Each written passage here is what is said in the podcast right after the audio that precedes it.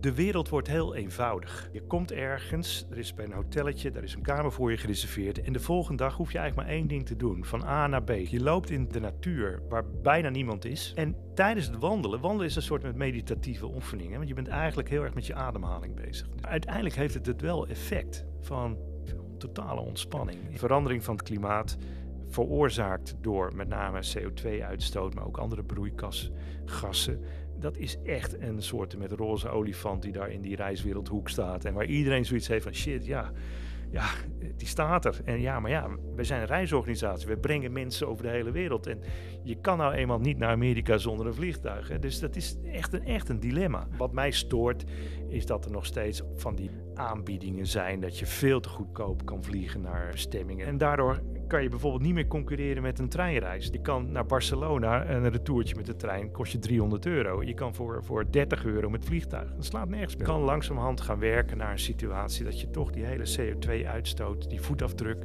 dat je die omlaag kan brengen. En wij zijn dat aan het meten. We meten bij elke reis precies hoe, hoe die CO2-voetafdruk is. En niet de Nijmegen Ondernemers Podcast.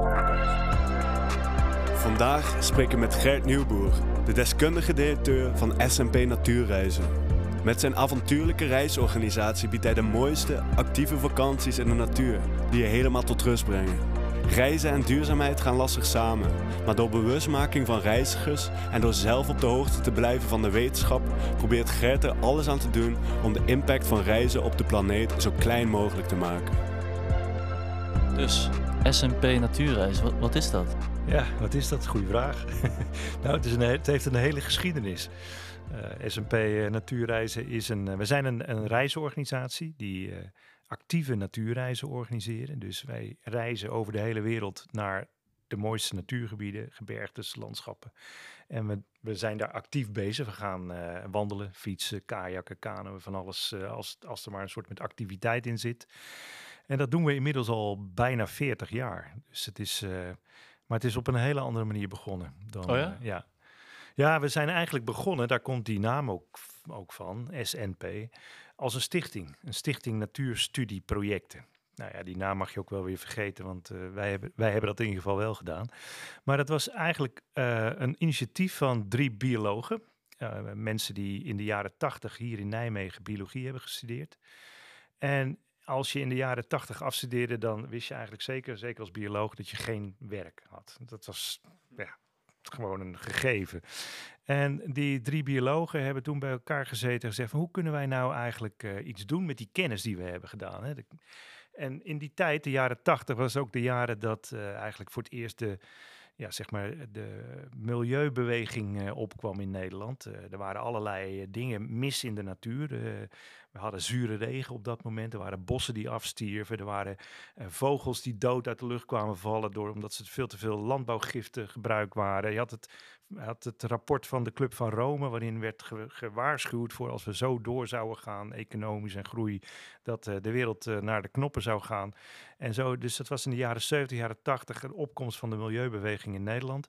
En die drie biologen hadden zoiets van, weet je wat, wij gaan wij gaan eigenlijk door, we gaan onze kennis die we hebben over de natuur, die willen we verspreiden. We willen mensen meenemen de natuur in. We willen over de natuur gaan vertellen. We willen ze inzichtelijk maken hoe mooi de natuur is. Om eigenlijk een stukje bewustwording en bescherming voor die natuur uh, te organiseren, te regelen. En dat deden ze door uh, mensen uh, echt gewoon letterlijk in Nederland mee de natuur in te nemen. Dus we organiseerden een excursie naar Zuid-Limburg en dan gingen we daar de voorjaarsflora bekijken. Maar dan gingen er echt uh, binoculairs mee om te kijken naar die plantjes. Er gingen uh, grondboren mee om te laten zien hoe die bodem uh, in elkaar zat en hoe dat te maken had met echt heel echt natuurstudie bijna. Okay. Nou, dus na een jaar was het wel duidelijk dat daar niet het, het dat daar geen droog brood mee verdiend kon worden, maar we ontdekten wel, door die dingen te doen, dat er een grote groep mensen was die het hartstikke leuk vond om met biologen de natuur in te gaan, om iets meer te, te, te leren en vooral actief daarin te zijn, dus lekker te gaan wandelen. Dus eigenlijk al vrij snel, na een jaar, uh, veranderde dat, dat natuurstudie meer in uh, lekker voet, voettochten maken, wandelen, uh, van A naar B naar C, trektochten maken in Europa met een bioloog of een geoloog of een geograaf als reisleider. En die dan van alles vertelde over wat je onderweg tegenkwam. En toen werd dat toegankelijk voor iedereen. Die, iedereen kon zich daarvoor aanmelden? Iedereen kon zich daarvoor aanmelden. Dus we gingen eigenlijk eh, vooral met free publicity in de beginjaren, want we hadden natuurlijk geen geld, probeerden we eh, klanten te werven. We hadden een, een brochure gemaakt. We hadden wat kleine advertentietjes in, eh, in de kranten. En daar stond dan eh, in met, ik geloof dat we, we hadden een geweldig persbericht in de, in de Libelle. Er stond met jonge biologen het voorjaarsbos in. Nou ja, die telefoon stond natuurlijk rood, hè, want Ja? dat wouden mensen wel. Oh. En nou ja, op, op zo'n manier gingen wij eh, eh, onze eerste werving doen. En groeide er langzamerhand een groep mensen die, eh, die dit soort reizen heel erg aantrekkelijk vonden. En je moet niet vergeten dat, kijk, nu is het vrij normaal om ergens in de bergen te gaan wandelen en een routetje ergens te downloaden. Maar toen de tijd, we praten over 35 jaar geleden of nog wel meer, was dat helemaal niet zo normaal. Dan had je geen internet waar je dat allemaal op kon zoeken. En wij brachten mensen echt naar schitterende gebieden en gingen dan trektochten met ze maken. Dus het was eigenlijk een beetje de opkomst van het alternatieve toerisme. Vijf jaar later, toen, dat was inmiddels in 1989, toen hadden we eigenlijk al zo'n omzet gemaakt, hadden we iets van 2.000, 3.000 klanten, dat het stichtingsbestuur tegen ons zei, jongens, jullie moeten gewoon een reisorganisatie gaan worden, want dit, dit heeft niks meer met een stichting te maken. Wie zeiden dat? Het stichtingsbestuur. Kijk, als je in die tijd begon met een stichting, dan moest je ook een bestuur hebben. En daar zat een tandarts uit Groesbeek in. En er zat een docent van de Hogeschool eh, Arnhem-Nijmegen in. En dat waren allemaal bevriende mensen die het leuk vonden om ons eh, bezig te zien. Maar ja, die zeiden van jongens, jullie zijn geen stichting. Jullie zijn gewoon een reisorganisatie aan het worden. En toen zijn we veranderd van structuur. En hebben we de SMP Natuurreizen BV opgericht. En dat hebben we toen met een zestal aandeelhouders eh, gedaan. En zo is eigenlijk SMP als reisorganisatie van start gegaan. En toen gingen we ons ook echt op reizen richten en zijn we steeds verder vanuit Europa naar buiten Europa. En zijn we steeds meer verschillende dingen gaan doen. Dus eerst was het alleen wandelen in groepen. Later zijn we ook voor individuele eh, wandelreizen gaan organiseren. Later zijn we gaan fietsen. We zijn reizen gaan organiseren voor ouders met kinderen. En zo is dat langzamerhand eh, gegroeid. Vooral in de jaren negentig is het eh, als, een, als een speer gegaan. Waarom, waarom denk je dat steeds meer mensen mee wilden doen aan zo'n reis? Nou, in die tijd was dat eigenlijk vrij nieuw. Weet je, het was, het was spannend, het was avontuurlijk. Het was, eh, eh, tot die tijd gingen mensen meestal op vakantie eh, met, met een tentje ergens naartoe naar een camping of ze gingen naar een stedenreis doen.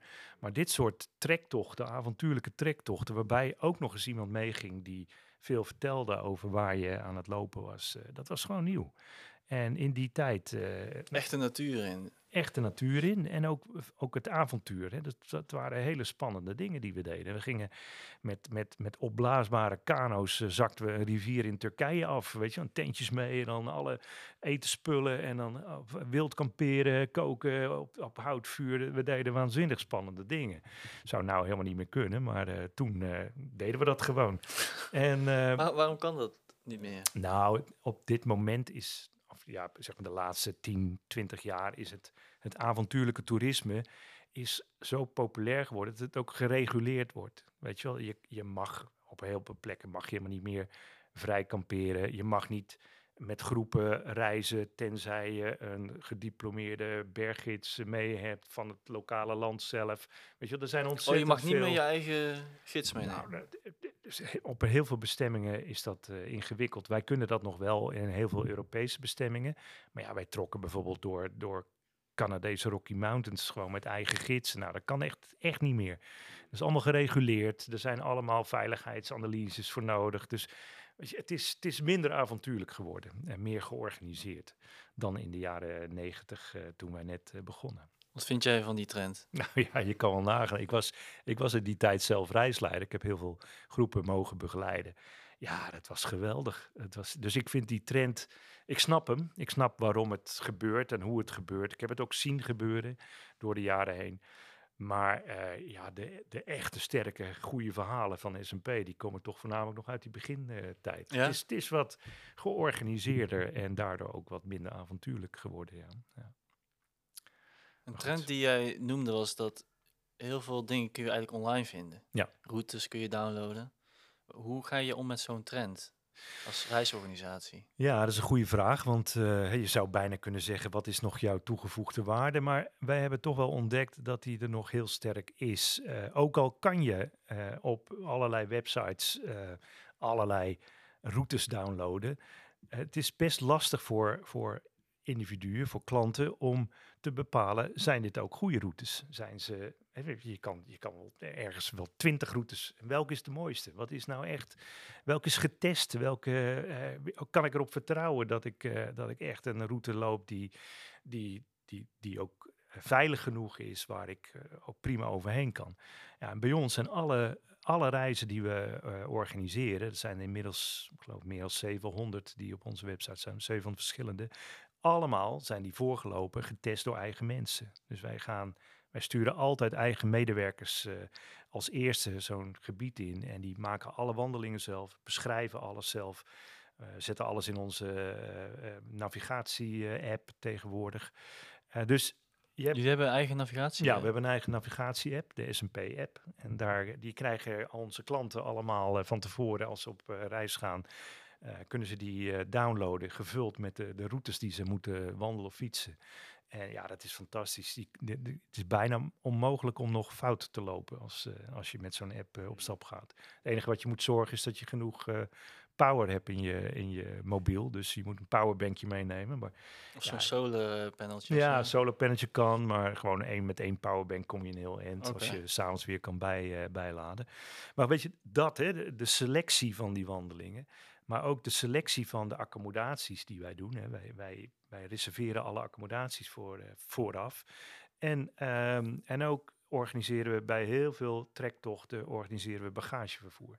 Ja, dat zijn echt uh, uh, toegevoegde waarden die je zelf niet zo makkelijk doet. Het kan tegenwoordig in sommige streken kan het wel. Hè. Er zijn er ook websites waar je ook bagagevervoer kan regelen, maar het is ontzettend veel werk.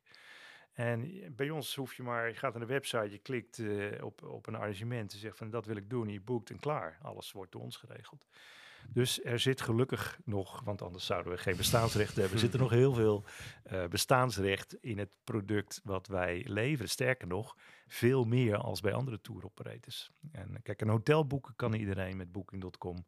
En zelfs onder hele gunstige voorwaarden dat je 24 uur van tevoren nog gratis kan annuleren en zo.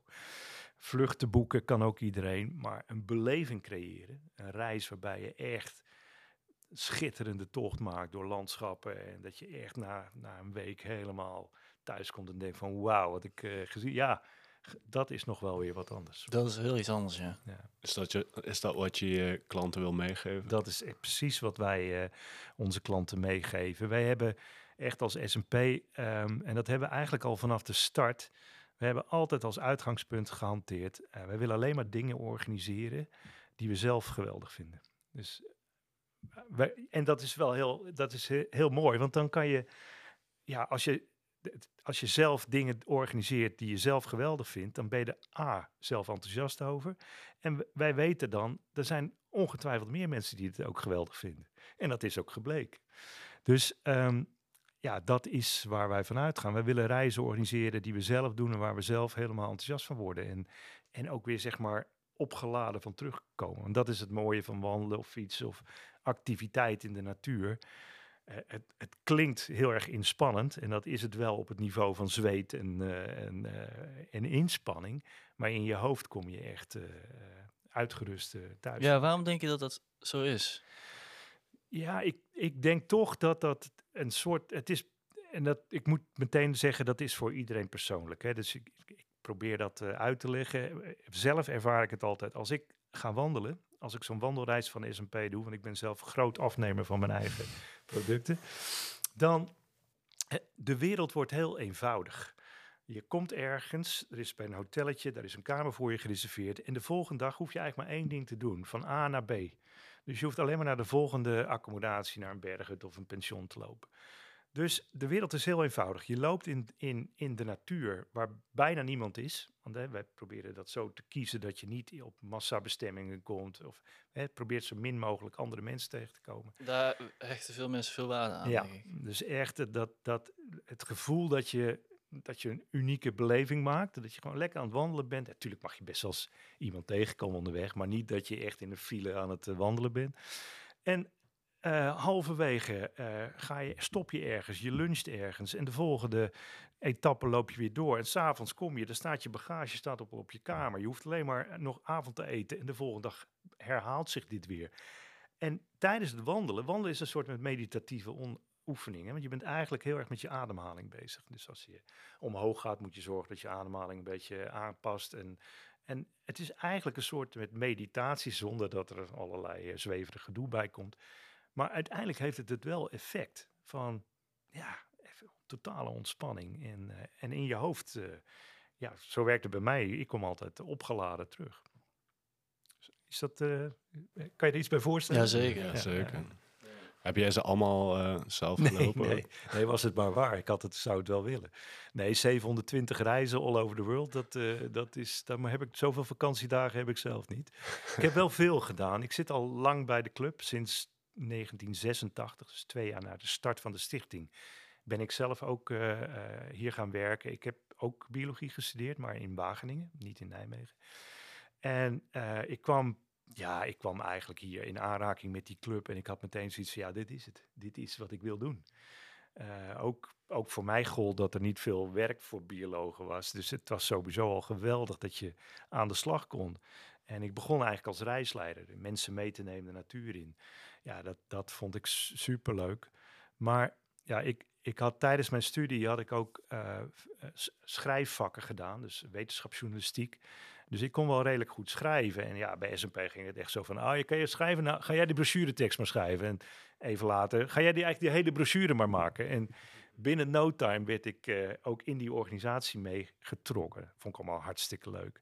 En werd ik, uh, op een gegeven moment was ik uh, marketingman, weet je wel, van de het nooit een opleiding voor gehad. Maar ja, het, zo, zo, zo rolden we er allemaal zelf een beetje in. En ik was niet de enige. We, waren, we hadden een ontzettend leuk team van, uh, of hebben we nog steeds, van, van mensen die, die op die manier eigenlijk in dat vak terechtgekomen zijn. Ja, in het begin waren het allemaal biologen. Later hebben we natuurlijk allemaal steeds meer professionals bijgehaald. En mensen die ook een toeristische achtergrond hadden. Want ja, we hebben echt uh, van een startend bedrijfje een, een middelgrote touroperator gemaakt. Ja, dan, dan maak je ook wel alles mee wat je uh, als, als bedrijf, als, als uh, onderneming mee, mee kan maken. Dus, Want welke expertise heb je allemaal nodig binnen jullie organisatie? Nou ja, zoals wij het nu georganiseerd hebben. Kijk, um, eigenlijk, je zou bijna kunnen zeggen, het zou bijna eigenlijk niet meer kunnen zoals wij dat toen deden.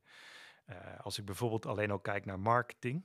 Kijk, in, in, in de tijd dat wij begonnen, kon je gewoon nog een brochure maken en zette je wat advertenties in de krant. Nou, dat kon iedereen. Maar tegenwoordig, als je echt uh, succesvol wil zijn als ondernemer, moet je heel veel kennis in huis hebben over uh, e-commerce, over marketing, over bouwen van websites, over affiliate campagnes, over de hele technologie achter, uh, achter goede websites. Uh, natuurlijk kan je dat ook als startend bedrijfje inkopen en, en in huis halen. Maar er komt, er komt heel veel expertise bij kijken. Vooral op het gebied van marketing, het gebied van IT. en um, voor de rest ja, hebben wij natuurlijk uh, zo langzamerhand, ja, we hebben een omzet van 25 miljoen. Dus dan moet je ook een echt goede finance structuur hebben. Je moet uh, goede operations team hebben, die, uh, waar mensen zitten die kennis van, van, de, van de luchtvaart, IATA-medewerkers heet dat. Um, salesmedewerkers die goed uh, verkoopgesprekken kunnen voeren met, uh, met klanten, goede informatie kunnen geven. Ja, het is, de, we werken hier op kantoor in Nijmegen met 60 man aan de, aan de organisatie van al onze reizen. Dus het is best een. en dan heb ik de reisleiders nog niet meegeteld. Er zijn er ook nog eens honderd die in freelance. 100 reisleiders. Ja, die freelance basis voor ons op reis uh, gaan. Ja.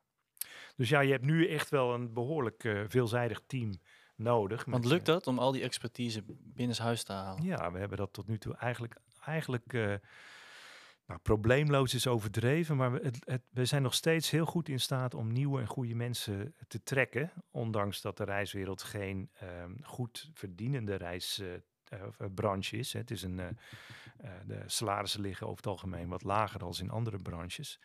Maar ehm, lukt Wa- het ons waarom is dat eigenlijk zo? historisch gegroeid. Eh, het reisproduct, eh, de Nederlander, die, die wil niet veel uitgeven voor zijn vakanties. Kijk maar eens naar wat je op, eh, op reclames voorbij ziet komen voor, hè, voor 3,99 een, een week all-inclusive met, een vlieg, met een vliegtuig erbij. Ja, dat zijn bedragen, daar kan je eigenlijk helemaal geen marge op maken, zo- zou ik maar zeggen.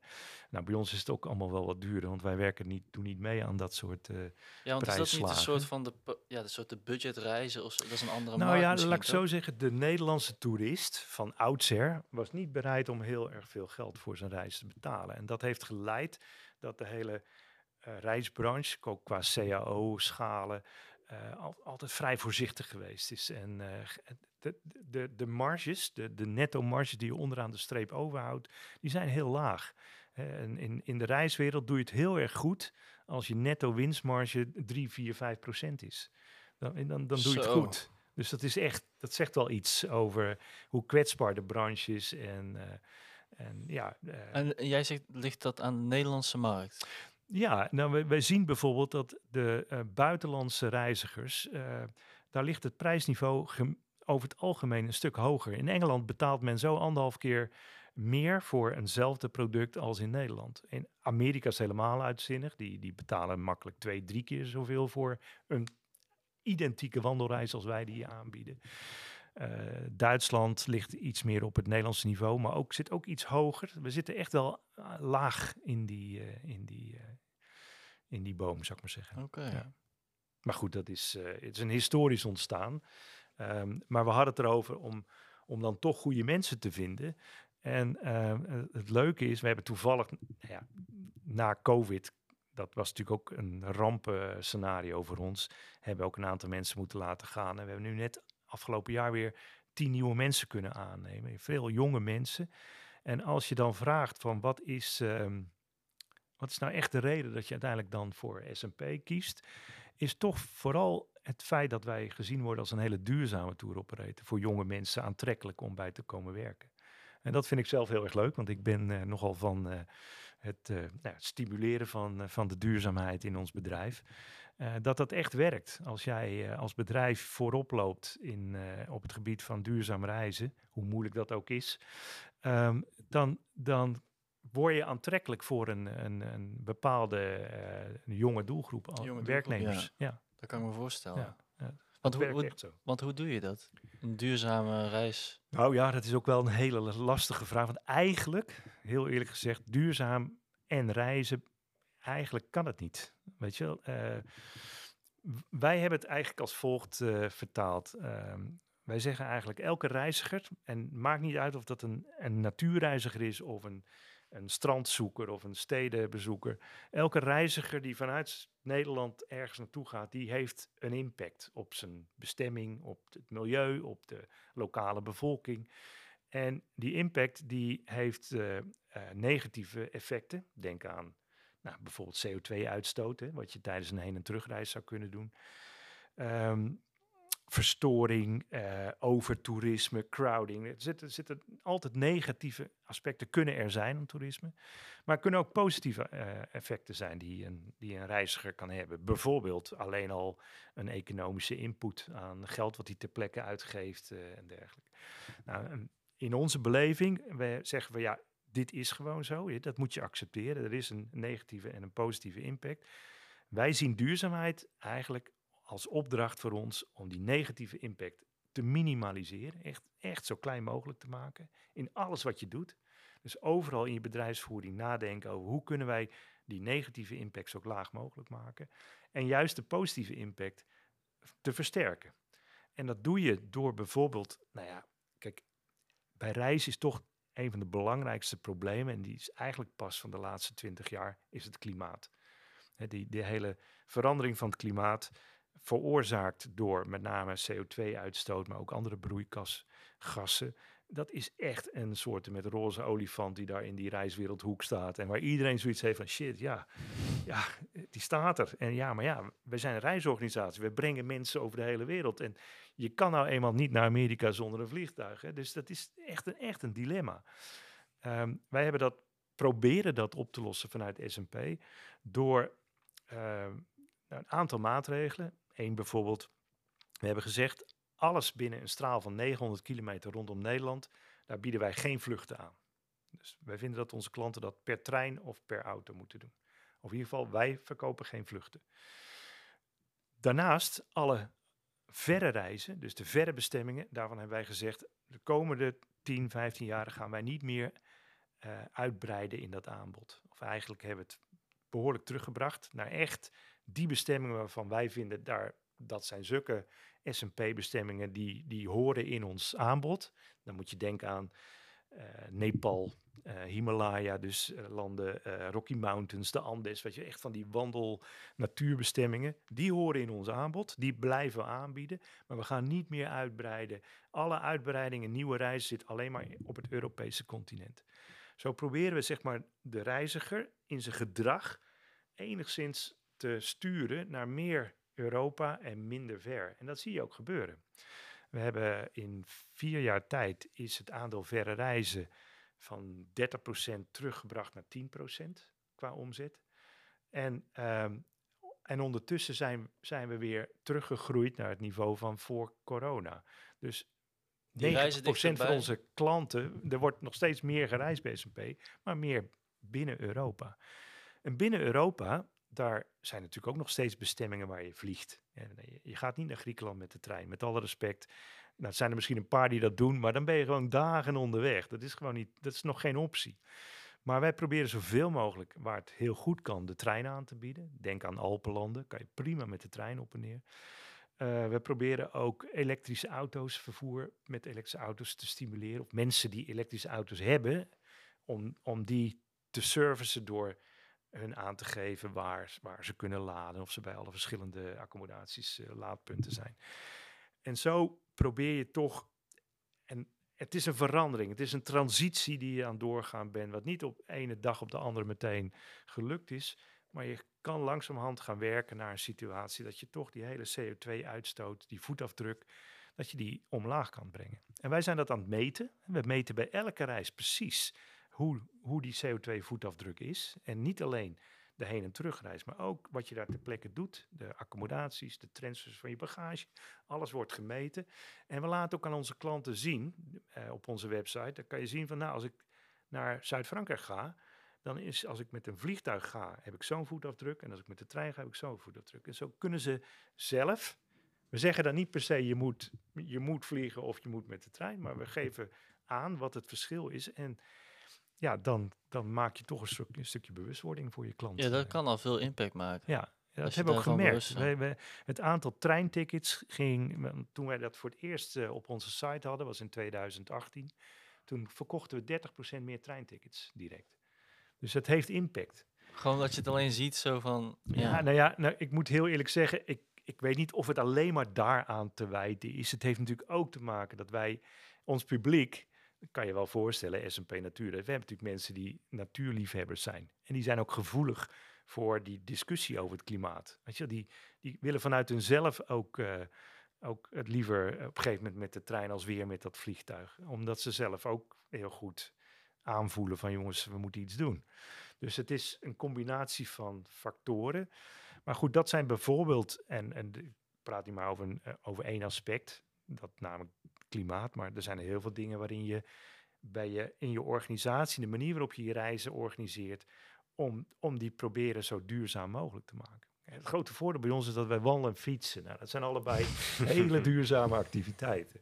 Maar ja, we vervoeren wel de bagage van de ene plek naar de andere. En dat gaat op dit moment nog vaak met, met busjes of... Ook de fietsen, ook de apparatuur?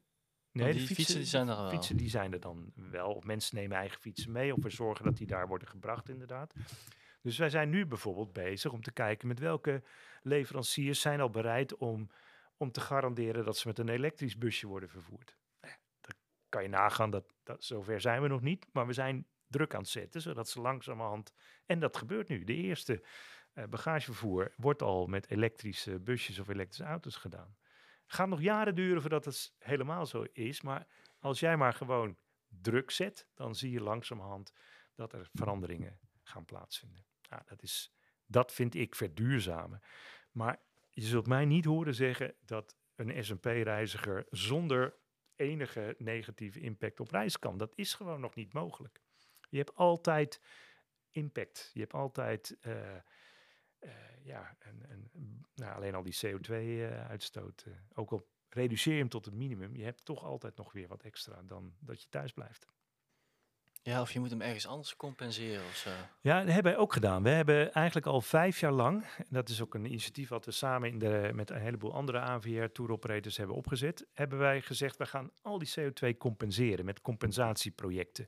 We hebben daar een hele betrouwbare partner voor gevonden, Southpol, de Southpol Groep. En wat zij die eigenlijk doen, is dat wij rekenen precies uit wat is de voetafdruk van al onze klanten. Nou, laat, laat dat zeg maar uh, ik noem maar iets, 1700 eh, ton CO2 zijn op jaarbasis. En dan hebben wij met die Southpole groep hebben projecten, vaak in derde wereldlanden, waar dan uh, door die projecten CO2-uitstoot wordt voorkomen. Nou, en dat kost dan zoveel per ton CO2 en wij betalen dan dat geld. En dat praat je over behoorlijke bedragen. Hè? Dat kan echt over 30, 40, 50.000 euro zijn op jaarbasis. En um, op zo'n manier kunnen wij zeggen, nou, een S&P-klant reist CO2-neutraal. Ja. Dat is ook onze claim. Maar het vervelende daarvan, dat lijkt op zich heel mooi, maar die CO2-compensatieprojecten, ja, die blijken dan toch weer niet zo, uh, ja, niet, niet altijd helemaal te kloppen. En daar komen steeds meer uh, verhalen, journalisten die daarin duiken en die zeggen dan, nou, die claim van dat project dat ze zoveel CO2 besparen, blijkt in praktijk heel erg tegen te vallen. Het is een rare markt. Het is een, een, een, een beetje. Nog heel nieuw ook misschien. Het is nieuw, relatief nieuw, maar ook wel een, een.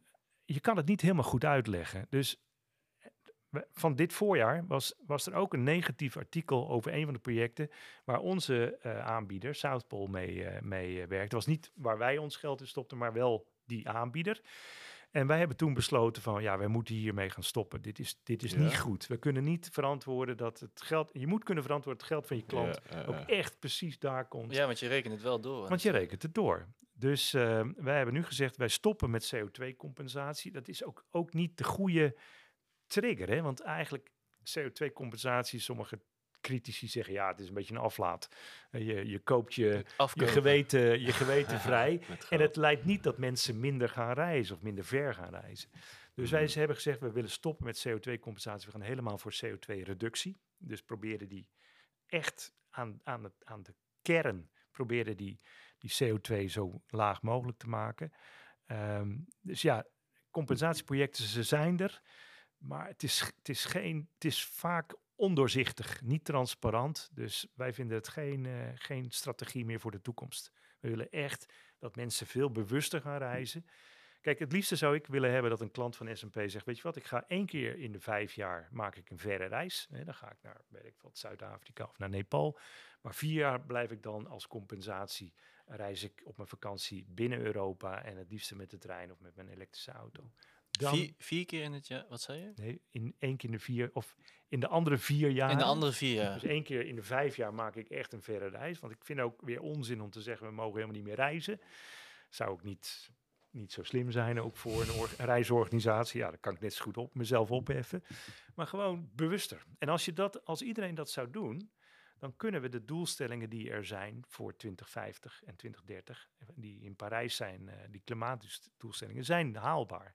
Want ondertussen zal er een grotere, daar ben ik van overtuigd, een grote technologische uh, revolutie zijn die gaat zorgen dat we echt uh, schonere, uh, steeds schoner kunnen reizen. Vliegen is een ingewikkeld iets. Elektrisch vliegen, dat, daar zijn we nog heel ver van. Maar ik denk toch dat vliegen op waterstof bijvoorbeeld is al wel veel haalbaarder. En ook zijn ze nu heel ver met projecten, dat noemen ze Sustainable Air Fuel, SAF. En dat is eigenlijk dat je uh, CO2 uit de lucht afvangt. En dat met chemische processen, vooral met veel elektriciteit, met de stroom, kan je het omzetten in kerosine. En het is dus sustainable kerosine. En die kan je dus weer tanken in je, in je vliegtuigen, waardoor je niet. Eh, dan kan je dus met je bestaande vliegtuigen CO2-neutraal uh, vliegen. SUF. SAF heet dat. SAF. Sustainable Air Fuel. Alleen op dit moment wordt dat geproduceerd. Is het nog te duur? Dus dat wordt, maar ja, dat is een kwestie van opschalen. En ook moet het bijgemengd worden. En uiteindelijk moet het naar 100% SAF. Maar voorlopig zijn die hoeveelheden die geproduceerd worden nog te klein. En uh, ja, wordt er nu nog 1% bijgemengd. Maar dat moet over in 2030 moet dat naar, naar misschien wel 10 of 15 procent. En in 2050 moet het naar 90 of 100 procent kunnen. Dat, dat zijn de ontwikkelingen in de, in de luchtvaart die op het ogenblik bezig zijn. En wij als toeroperators kunnen daar meehelpen door uh, dat te bevorderen. Door bijvoorbeeld uh, geld aan die projecten te geven waarin die SAFs uh, ontwikkeld worden. Je lees je dus de hele tijd in over de nieuwe wetenschappelijke. Nou ja, ik, de, ik, de, dat komt bij. Ik, wij zijn met SP, wij horen bij een, in de reiswereld in Nederland, horen we bij de kopgroep duurzame tour operators. Daar zitten we al 15 of 20 jaar in. Dat is een clubje van tour operators die allemaal gezegd hebben: jongens, wij willen de lat hoger gaan leggen voor de branche. En niet alleen, dat doen we niet alleen zelf, we proberen ook al onze collega's in de reisbranche mee te krijgen. Want ja, het heeft geen zin als alleen SMP zijn best doet. Want dan gaan we nog naar de kloten met het klimaat. dus we moeten gewoon uh, uh, meer mensen mee. En in die kopgroep duurzaamheid heeft S&P altijd een, een voorlopersrol gespeeld ook. Wij hebben allerlei initiatieven ondernomen, zoals bijvoorbeeld... We hebben een calculator geïntroduceerd om, om die CO2-voetafdruk van reizen te kunnen meten. Dat was een initiatief van ons.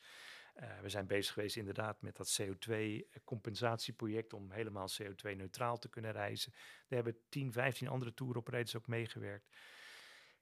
Dus vanuit die positie uh, moet ik me wel inderdaad goed verdiepen. En dat is ook heel leuk hoor, want ik doe dat samen met, uh, in die groep zitten ook bijvoorbeeld uh, mensen van de TOEI.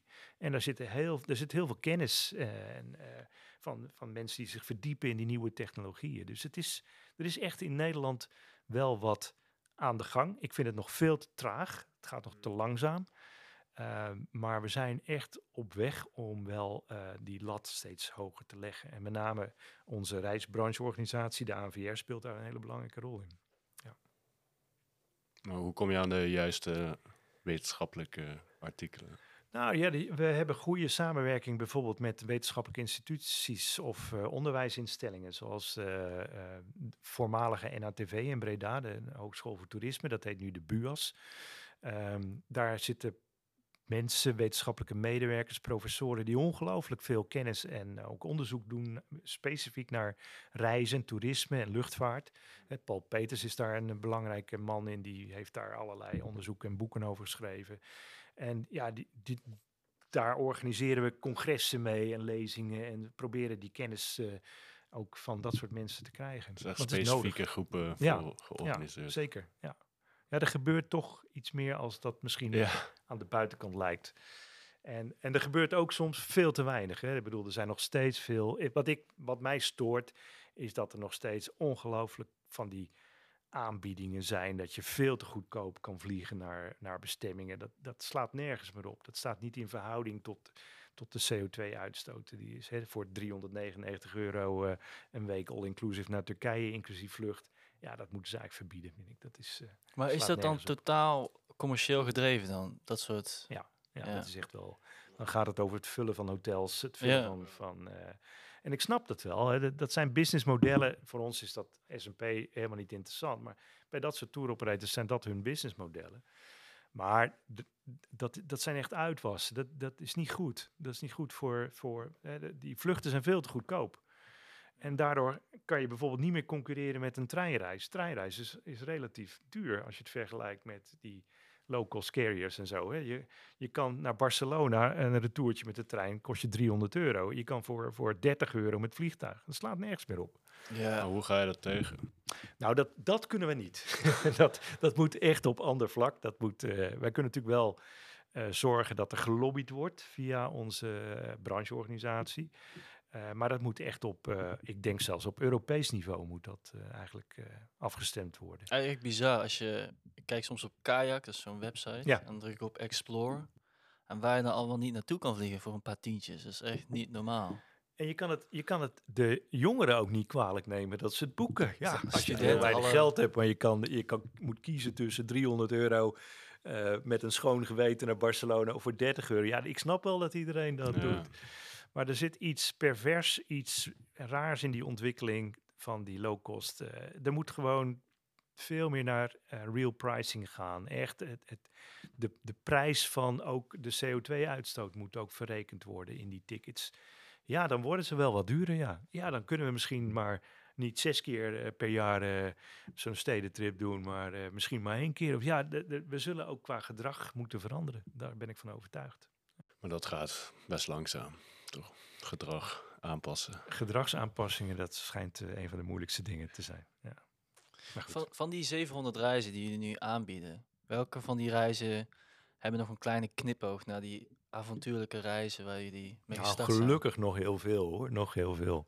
Eh, het is niet zo dat het allemaal eh, gezapige reisjes zijn. Nee, ehm, vooral eh, en heel veel van onze eh, echte trektochten die je maakt door hoge bergten of door eh, eh, in de Himalaya of in Mongolië. Of, weet je, er zijn nog echt bestemmingen waar nog wel avonturen te halen, ook in Europa.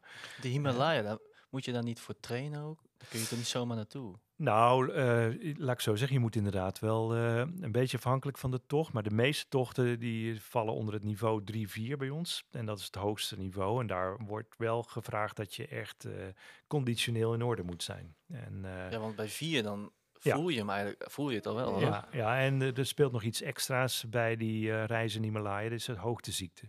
Nou, Ja. hoogteziekte is op zich trouwens niet voor te trainen. Maar het is wel iets wat, eh, wat een rol speelt in, de, in het zwaar van de prestatie. Als je op 3.000, 4.000 meter aan het wandelen bent, is heel wat anders dan als je hier eh, op zeeniveau loopt. Dus ja, je moet daar echt wel een goede conditie voor hebben om die reis te kunnen doen. Maar goed, we proberen dat in onze informatie vooraf op de website. En eh, wordt precies aangegeven wat er allemaal vereist wordt en hoeveel kilometer je loopt en welke hoogteverschillen. Dus je kan van tevoren wel veel doen om die mensen goed voor te bereiden. En mensen die bij S&P boeken, die weten van ja, er wordt wel serieus gewandeld. Dus eh, eh, ze zijn wel, de meesten zijn wel op de hoogte dat dat eh, een vereist is. Jij bent vaker mee geweest als reisleider, toch? Nou, ik ben in de beginjaren van S&P, de jaren 90, eh, heb ik zo'n 55 eh, reizen begeleid zelf als reisleider. Ik vond het ontzettend leuk om te doen. Maar als je zo'n bedrijf begint en, en, het, en het groeit en het wordt succesvol, dan merk je als je zeg maar in ook de organisatie zit, dat dat, dat is ook iets ontzettend interessants om mee te maken. Hoe, je, hoe zo'n bedrijf ontwikkelt. En eh, we hebben dat met een zestal mensen gedaan. Eh, ja, dat, dat werd op een gegeven moment minstens zo, eh, zo leuk als reizen. Dus uiteindelijk ben ik wel wat minder, steeds wat minder zelf eh, reizen gaan begeleiden. Nog wel altijd nieuwe reizen uitzetten, want dat vind ik het aller, allerleukste. Ehm, maar me veel meer gaan richten op, op het bedrijf, de organisatie, de mensen. Hoe, eh, hoe start je, op- ja, hoe laat je een bedrijf groeien en wat, wat komt er allemaal bij kijken? Dat is natuurlijk ook super interessant. Ik had nog een vraag over die reizen zelf. Is er een keer, waarschijnlijk is het vaker gebeurd, een keer een gevaarlijke situatie voorgedaan? Omdat je natuurlijk zo'n groep moet begeleiden, toch? En dat je Ja, dan... ik, eh, ik kan ja echt, ja, tuurlijk. We, er zijn echt, eh, en ik moet ook heel eerlijk zeggen, in de beginjaren hebben we ook echt wel eens dingen gedaan waar we echt ontsnapt zijn aan, eh, aan, aan ellende. En het had veel slechter kunnen aflopen. Dat, dat zal ik meteen ook, ook toegeven. Ja, ik heb zelf van alles meegemaakt op dat vlak. Het is altijd goed gegaan, gelukkig, maar ik klap, kloppen dat ook netjes af.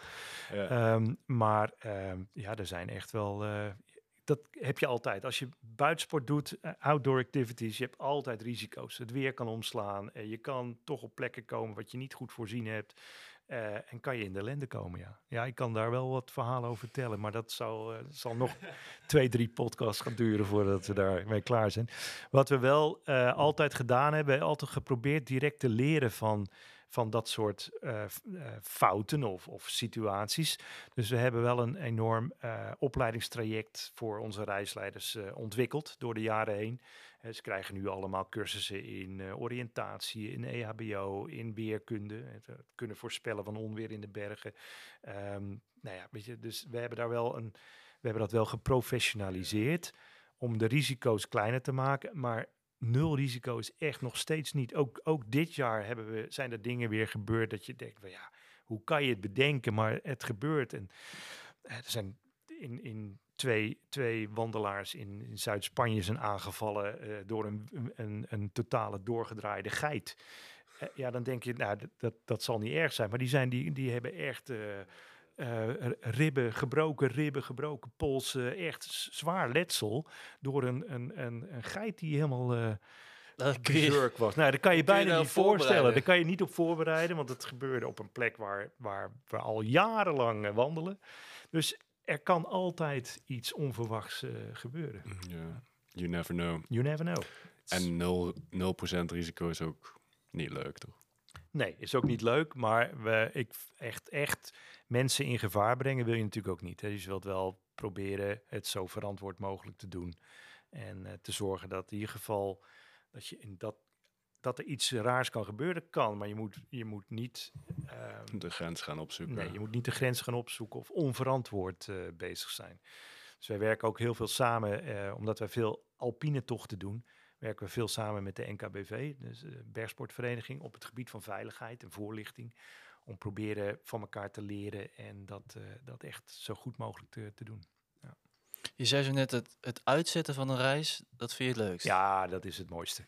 Nieuwe reizen uitzetten, ja, dat is geweldig, joh. Je gaat ergens naartoe in en, en, en je gaat eh, eh, accommodaties bezoeken. Je gaat uitzoeken wat zijn de leukste, leukste hotelletjes of pensions of berghutten. En dan vervolgens die, die wandelingen zelf gaan, eh, gaan zoeken en vinden en beschrijven. En nee, toch niet, toch daar naartoe. Nee, misschien moeten we toch daar nog eh, een doorstekje kunnen maken. Dat is net iets mooier, weet je wel. Ja, dat is echt... eh, Je zou denken, dat is het leukste team binnen S&P die dat, die dat mogen doen. De product managers heten dat, heet dat bij ons. Het zijn toevallig, er werken hier veel vrouwen, maar toevallig zijn het alle, alle vijf zijn dat mannen. En die vinden zichzelf ook het leukste team. ja, de PM'ers die zeggen altijd, we hebben de, de, de mooiste baan. En ehm, zij moeten verplicht ongeveer drie maanden per jaar eh, buiten kantoor zijn, moeten ze het veld in. En ze, ze moeten ook terugkomen om de websites te vullen. En Ja, dat moet wel. systemen. Dat is, vinden ze natuurlijk het minst leuke. Maar dat is inderdaad, en dat is ook wel grappig, dat zijn die vijf mannen, die werken ook het langste bij S&P. Die krijg je ook niet meer weg. dat is voor mij wel eens een probleempje, nee hoor. Maar die, die zijn ook heel erg kundig, maar die gaan ook niet meer weg. Ja, die hebben gewoon de leukste baan. Dat is ook zo, ja. Ja, jeetje, gewoon. Ja. Echt avonturiers bijna. Gewoon. Ja, nou ja, nogmaals, het, het veld is veranderd. Of het werkveld is veranderd in de zin dat er, je werkt tegenwoordig veel meer met eh, lokale eh, agenten, lokale organisaties die, die ook eh, tochten voor je uitzetten. Dus je, je bent veel meer in samenspraak met je agenten dingen aan het doen. Ehm, in de beginjaren was dat echt pionierswerk, waar we echt op kwamen op plekken waar gewoon nooit andere mensen geweest waren zelfs. Dat is bijna niet meer mogelijk, maar het blijft nog steeds ontzettend leuk om een nieuwe reis te bedenken en ook na te gaan van, goh, hoe, hoe, word ik, hoe, hoe ga ik die klant eh, enthousiast krijgen over zo'n gebied? En hoe kan ik hem zo afstemmen, net het leuke hotelletje daar pakken en niet dat en volgorde opbouwen. Er zitten heel veel aspecten die horen bij een goede trektocht, een goede reis. Ja. Probeer bijna een soort verhaal te schrijven eigenlijk voor zo'n Ja, klant. het is ook een beetje. eh, Het is vaak ga je ook een beetje op zoek naar een thema. Hè, van, van hoe kan ik deze beleving nog extra eh, lading geven door een ja, goed thema aan te geven of, of een opbouw. Het is echt het is een beetje componeren Ja. van de juiste eh, dingen bij elkaar. Ja, dat is het mooiste van het werk. Absoluut. En als directeur, wat, wat zijn dan jouw taken, jouw day-to-days? Nou ja, ik, ehm, ik, ik doe het werk wat een directeur eh, over het algemeen denk ik doet. En dat is met name ehm, eh, de, de koers en de strategie bepalen voor de toekomst. Ben eigenlijk zoveel mogelijk bezig met waar, waar gaan we met S&P naartoe? Waar, wat is de stip op de horizon? Welke koers varen we?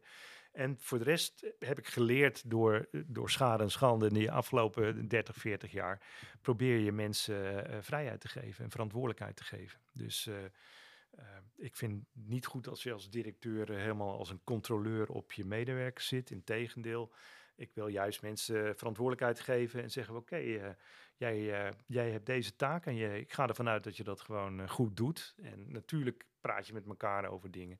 Maar ik heb gemerkt dat het beste werkt, momenteel ook met, met in, in deze tijd, om mensen ehm, niet te veel te controleren, maar veel meer te enthousiasmeren en, en, en de verantwoordelijkheid en, en de tools te geven om hun werk goed te doen. Dus dat is wat je als directeur, eh, eh, vind ik, als taak hebt. En vooral ja, jij bent er vooral voor de lange termijn en de toekomst van eh, waar gaan we naartoe, wat, wat ontbreekt, wat mist, wat, wat moeten we veranderen. En niet voor de, de dagelijkse operatie. Daar hebben we gewoon een hele goede teamhoofden voor die dat veel beter kunnen als ik. En waar gaat S&P naartoe? Of wat zijn de ambities? Nou ja, op zich, ehm, wij hebben natuurlijk, nou, dit is iets wat ik nog niet verteld heb in het verhaal van de geschiedenis van S&P. We zijn dus begonnen als een eigen bedrijf, maar we zijn in 2004 zijn we overgenomen door ANWB, ANWB Reizen. Die hebben, uh, hadden toen in de tijd een strategie met vijf andere tour operators. En die wilden een reizenblok vormen. Nou, ik ga niet vertellen waarom dat toen gebeurd is. Maar goed, we hebben toen, toen de tijd besloten dat het voor ons misschien ook verstandig was om dat te doen. Er waren meerdere tour operators die eigenlijk in die tijd allemaal opgekocht werden door grotere tour operators of bedrijven. Um, we hebben ongeveer ruim 15 jaar onder, um, onder de vleugels van ANWB uh, gezeten. Maar uiteindelijk merkten we toch wel dat, uh, ja, dat, dat, dat zo'n situatie is toch uh, fnuikend voor je ondernemerschap. En uh, we hebben toen besloten om het bedrijf weer terug te kopen. We kregen daar uh, op een gegeven moment de gelegenheid voor. ANWB uh, heeft daarbij ingestemd. En we hebben in 2019 hebben we met de oude aandeelhouders van, van toen hebben we het bedrijf weer teruggekocht van de ANWB. Op 1 november tekenen we het verkoopcontract 2019.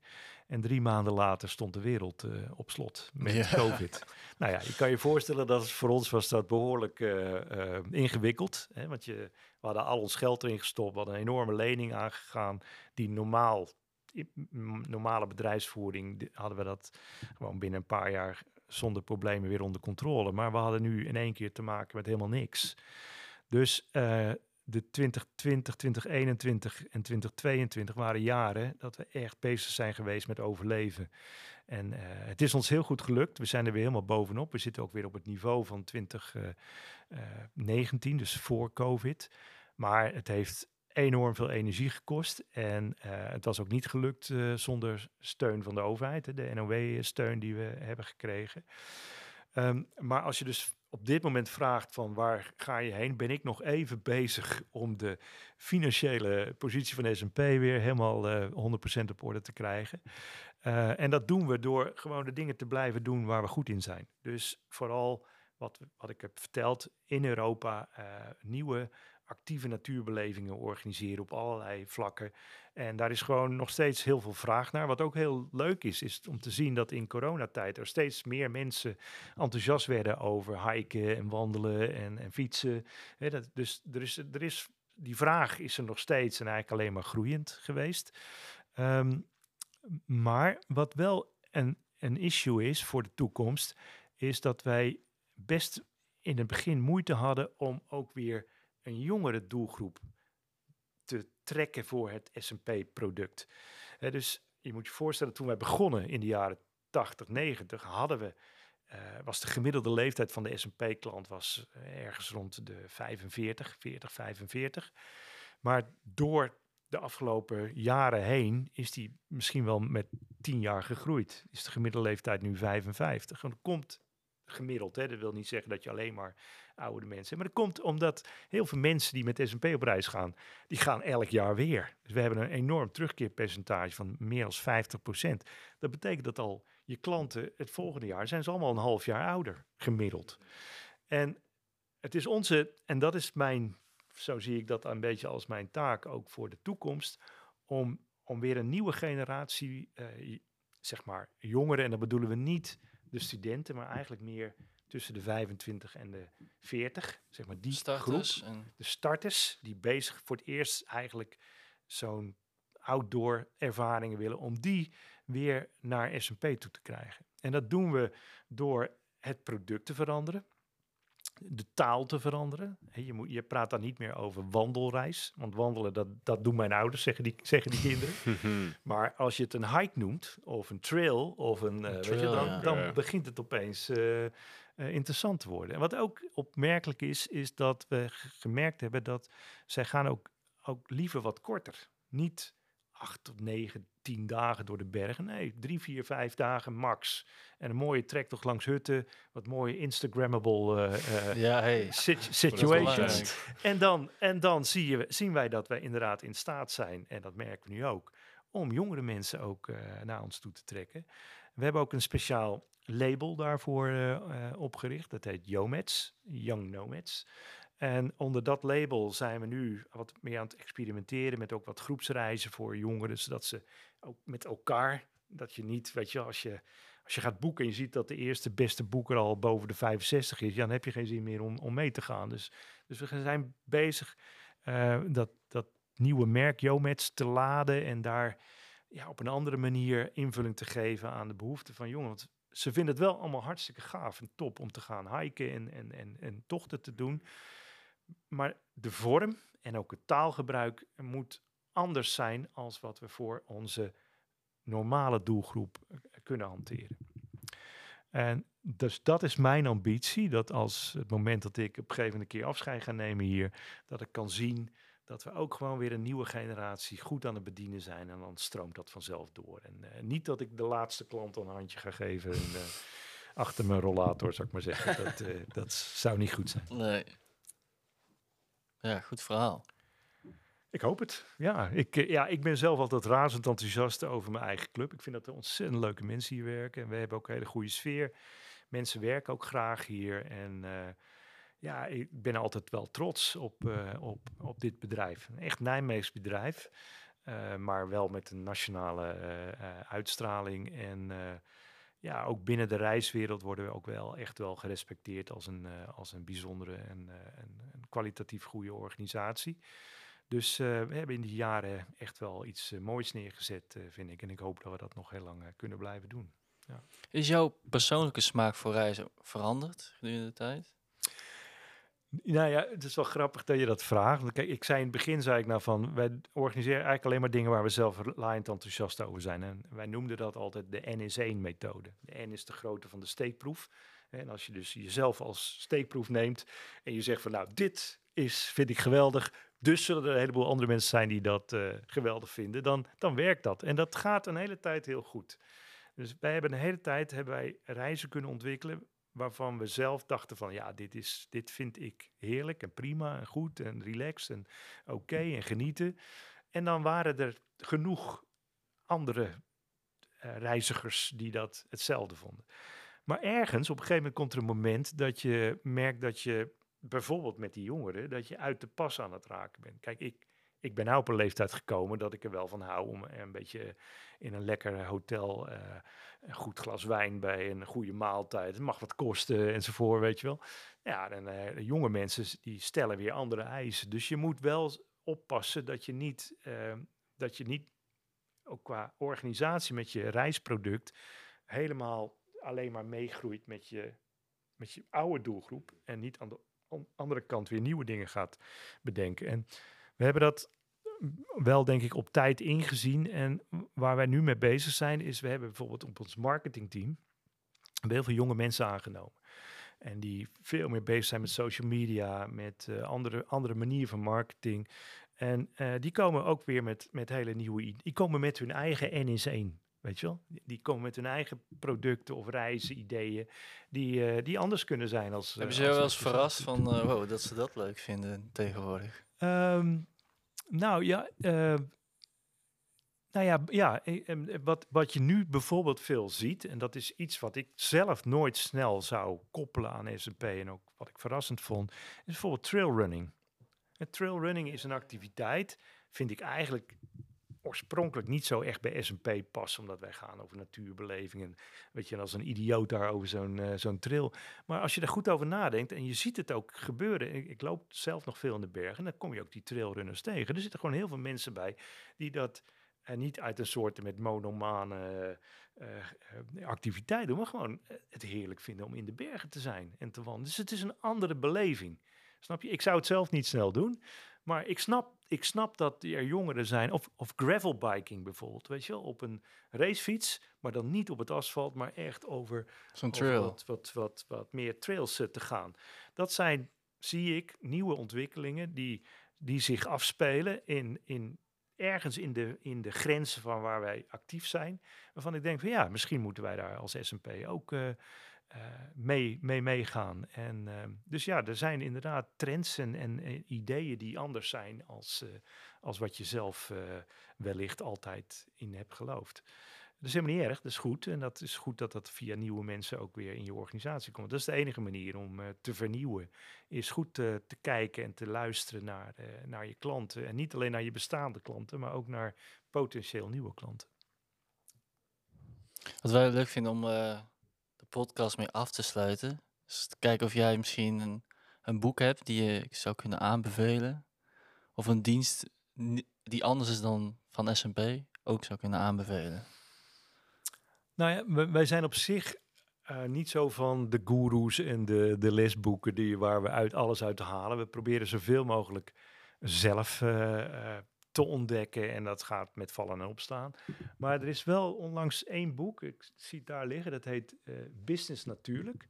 En het is wel grappig, dat is een boek geschreven door een, een man die, die eigenlijk de parallellen zoekt van ondernemen en hoe, hoe businesses ontwikkelen en parallellen zoekt met de natuur. En kijkt welke processen, welke wetten, matigheden in de natuur kan ik uh, toepassen op ondernemen. En waardoor het ook vaak direct uh, uh, duurzaam is of verantwoord is of rekening houdt met, met de omgeving. En het is een heel leuk boek. Het, het, grappige is dat de man die het heeft geschreven is ooit S&P-agent geweest oh op, op Sint Maarten, op, in de Caribische, een van de Caribische eilanden, waar wij een wandelreis hadden op Statia en Saba en Sint Maarten. Hij regelde voor ons daar ter plekke de logistiek voor de, onze klanten en ontving ook al die S&P-klanten. Dus hij heeft ook een link met S&P. En we zijn laatst met al ons, met ons kernteam, we hebben een kernteam van, van leidinggevenden, zijn we met dat boek aan de slag gegaan om te kijken wat kunnen we daarvan leren. En dan zagen we toch een aantal dingen die ook wel weer typisch zijn voor S&P. En dat heeft toch te maken met dat groene DNA waar we uit voortgekomen zijn. Bijvoorbeeld, uh, wij zijn nooit van de revolutionaire groei geweest. Wij zijn niet van uh, van die enorme verdubbelaars, weet je wel, die het ene jaar en op het andere hup meteen uh, en maar meer en maar meer. We zijn eigenlijk altijd van de evolutionaire ontwikkeling gewoon heel lang uh, rustig groeiend naar, naar succes en een beetje aanpassen, zoals dat in de evolutie ook gaat. Hè. Er verandert iets in de omgeving, je pas je wat aan. En dus er zitten heel veel overeenkomsten met, met de natuur en hoe processen in de natuur gaan met S&P. Of dat toeval is, ik denk het niet, want dus, ja, S&P is voortgekomen uit een aantal biologen. Dus dan ben je toch een beetje voorgevormd. Maar ik vond dat heel opmerkelijk. Dus dat boek, Business Natuurlijk, van Business Erwin Wolthuis, vind ik een... Uh, vond ik wel, uh, nou, eye-open is overdreven, maar iets wat heel goed bij ons paste, ja. En dan ga je dat boek ook met het team lezen? Ja, we hebben dat... Uh, als, uh, als, als kerstcadeau gekocht voor het hele kernteam. Okay. Iedereen een exemplaar. En we zijn vervolgens zijn we, uh, ze hebben een soort high-sessie gehad hier in, uh, in, in, de buurt van Malden ergens. En hebben op een hele mooie plek, hebben daar een dag lang zijn we daarmee aan de slag gegaan. Het groepjes. En kijk, wat kunnen we daar nou van leren? Wat kunnen we toepassen binnen S&P? Hoe kunnen we dat met elkaar, hoe kunnen we onze organisatie verbeteren? En uh, daar komen toch altijd weer leuke nieuwe experimenten uit. En hè, dan ga je natuurlijk ook denken aan productontwikkeling en klanten, maar ook het, het idee van je moet alsmaar, alsmaar groeien, groeien, groeien. Uh, dus in deze tijd is dat toch ook een idee waarvan we steeds meer achterkomen. Er zit een grens aan de groei. Uh, misschien wel uh, gedicteerd door, door de, de draagkracht van de aarde. Nou, dat zijn allemaal, allemaal gedachtegangen die in dat boek uh, zich voordoen. En het interessant is om te kijken, hoe kan je daar als S&P iets mee doen? En uh, ja, dus dat heeft, uh, was, heeft goede impact gehad bij ons. Ja. Leuk. Zou je zelf nog iets toe willen voegen aan deze podcast? Um, nou, jullie hebben veel gevraagd en ook nog veel niet. ik zou nog veel meer kunnen vertellen over de, over de geschiedenis van S&P, maar dat, dat ik snap heel goed dat de, de tijd beperkt is. Nee, ik vond het leuk. Ik vond het uh, ontzettend leuk. En ik hoop dat, uh, dat mensen die luisteren uh, ook wellicht daar ook nog iets van kunnen oppikken. Zo van, hé, hey, gewoon grappig dat dat op die manier gaat. En, want dat is denk ik ook toch een beetje de doelstelling ook van jullie. Hè? Om, om met elkaar wat, wat wijsheid, wijsheden te, ja. te delen en Blootstelling, bewustwording. in. Ja, Top. Rick, bedankt voor het gesprek. graag gedaan. Ja, dankjewel. Heb je nu ook zin om op vakantie te gaan in de natuur, maar geen behoefte om alles uit te pluizen? Ga naar smp.nl. Wil jij ook op de Ondernemerspodcast verschijnen of meer weten over het beginnen van je eigen podcast? Ga naar zimablue.nl. Podcastproductie voor ambitieuze organisaties.